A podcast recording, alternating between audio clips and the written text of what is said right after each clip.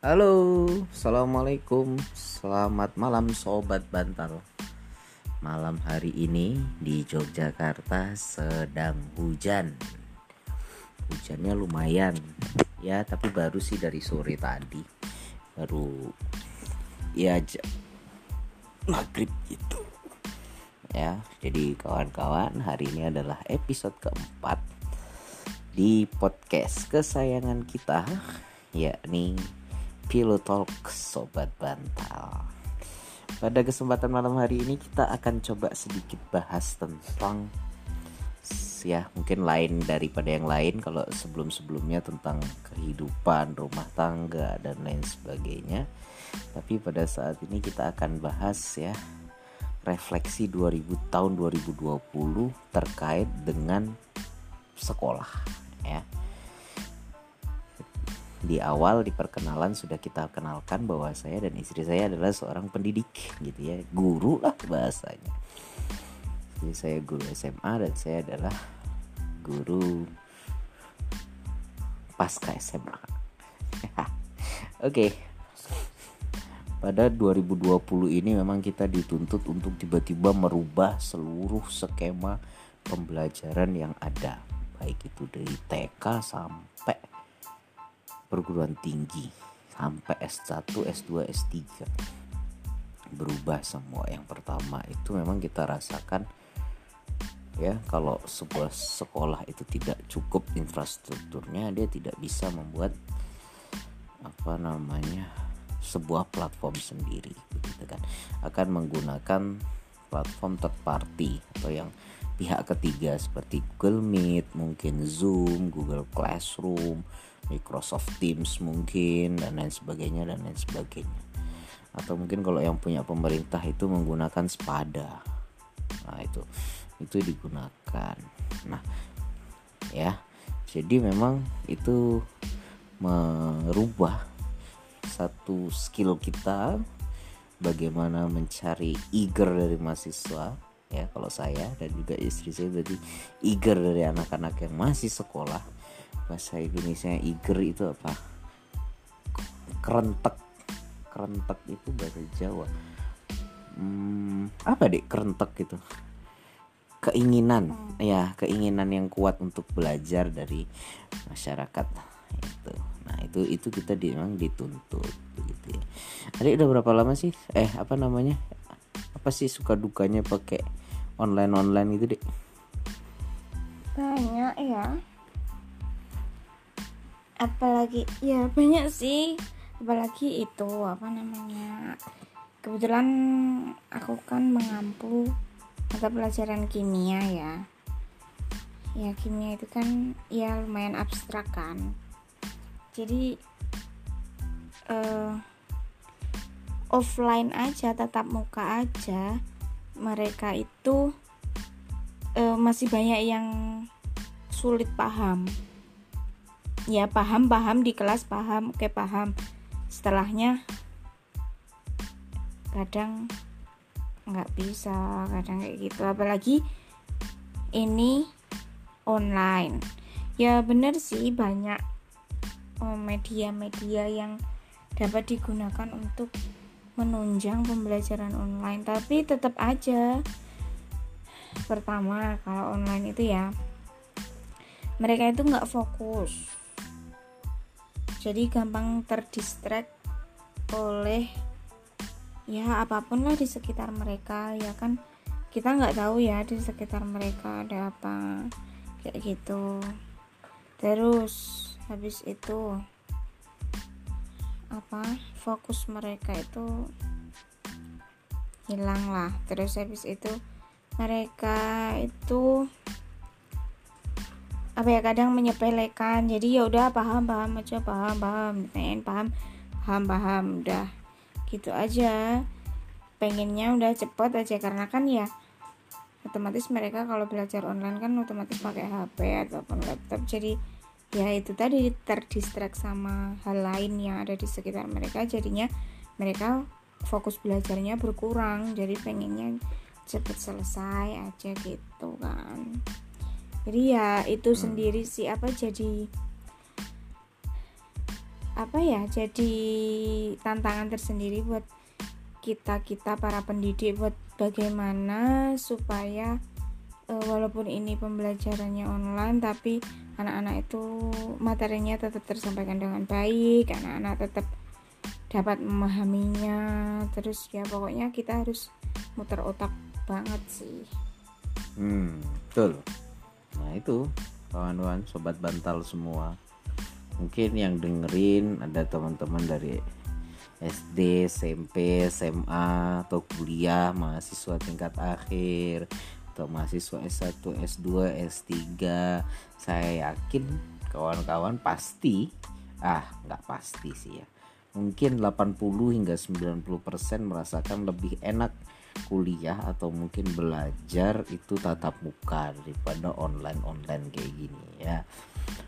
Satu kendala yang menurut saya paling mengganggu itu biasanya sinyal. Katanya sinyalnya susah lah ada yang harus naik pohon kah untuk mencari sinyal?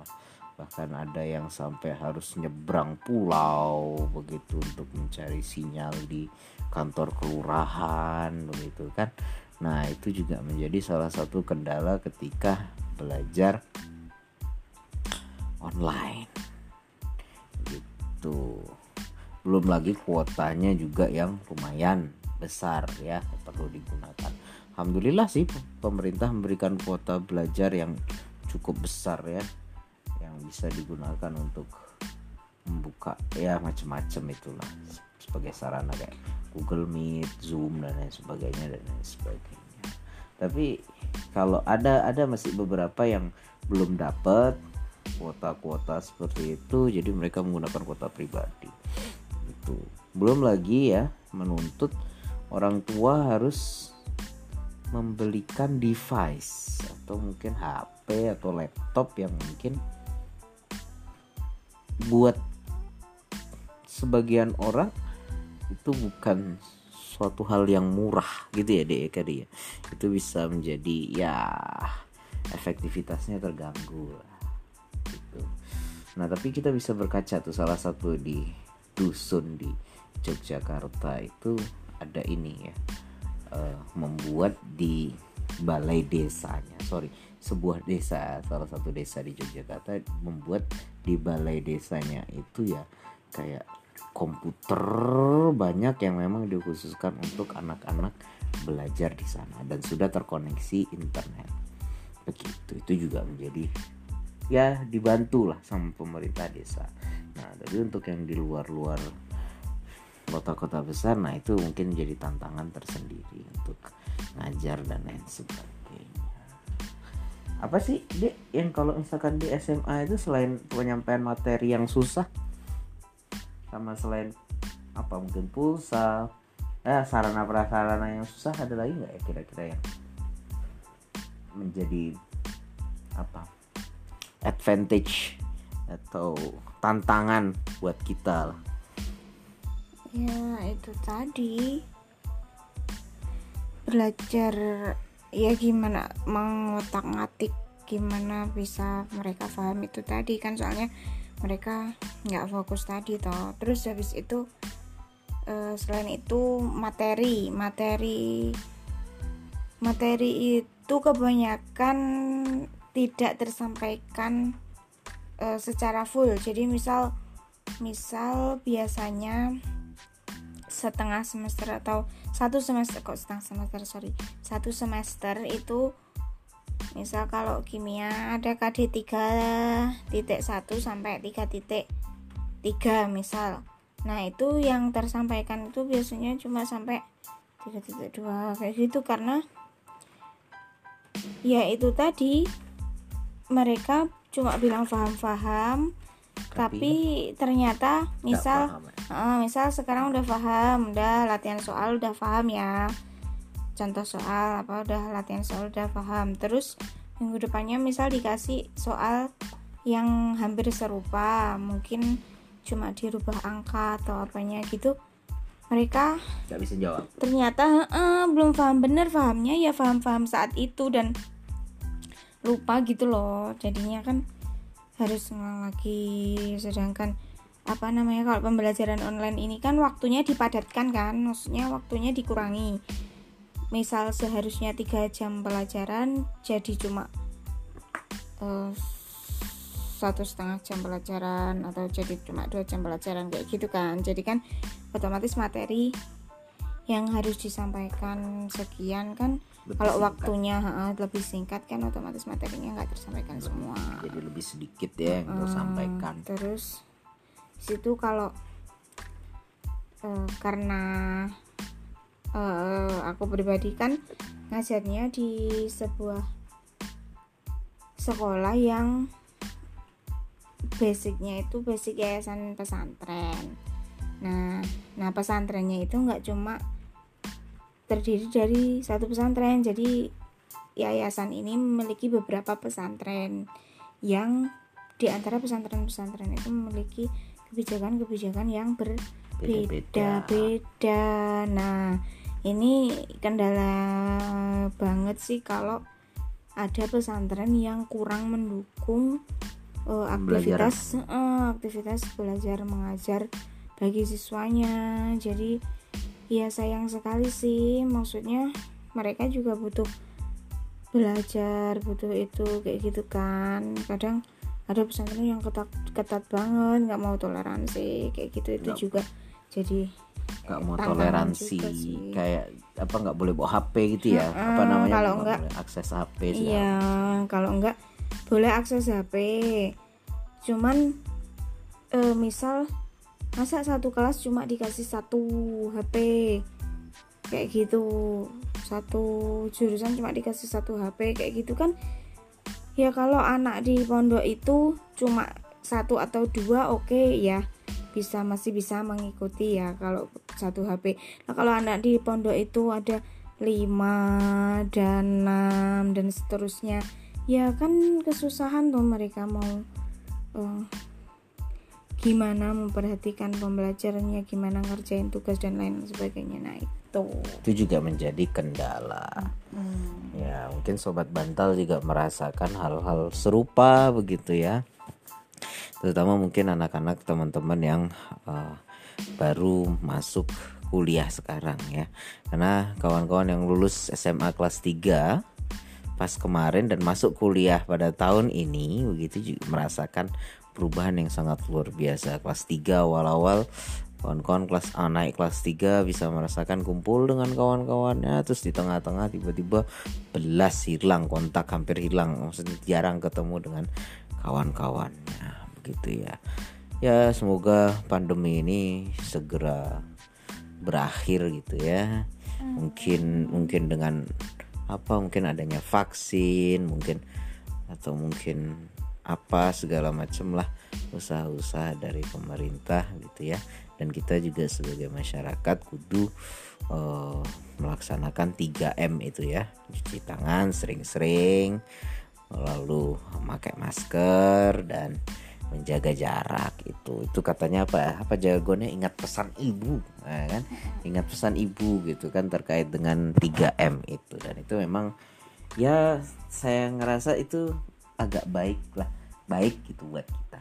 Gitu ya saya merasa uh, semenjak dipaksa untuk uh, menggunakan masker dalam tanda kutip ya dipaksa itu memang ya bener-bener dipaksa gitu sama pemerintah untuk pakai masker. Hampir semua orang sekarang pakai masker bahkan menjadi aneh ketika tidak pakai masker begitu kan.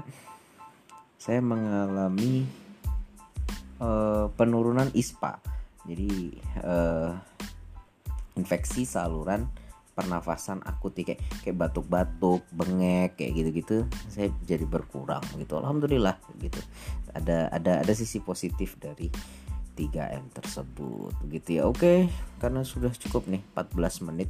Terakhir mungkin uh, apa deh closing statement mungkin dari adik dulu. Kemarin kan waktu ini tiga aku duluan. Adik dulu deh boleh nggak duluan aja ya ya ya ya. Oke jadi gini kawan-kawan ya. Uh, memang ini merubah semua ya ya pandemi ini memang merubah segala hal. Dari hulu ke hilir bahkan uh, apa namanya sektor-sektor mana pun terkena ya. Sektor ekonomi, sektor kesehatan, sektor pendidikan, bahkan sektor politik, sektor-sektor semua sektor itu ikut diubah ya.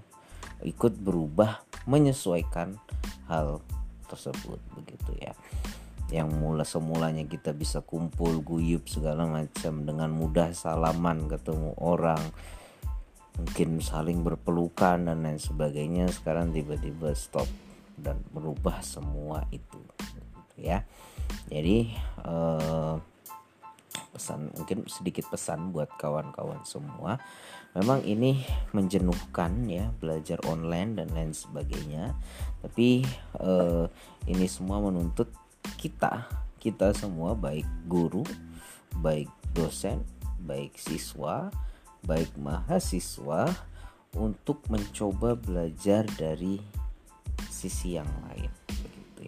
Saya mengambil contoh adalah ketika seorang guru, dosen dan lain sebagainya datang hanya membawa ilmu, anggaplah ilmu itu adalah satu gelas atau sorry, satu ceret air putih begitu ya yang mana kawan-kawan ketika datang ke kelas itu membawa gelas.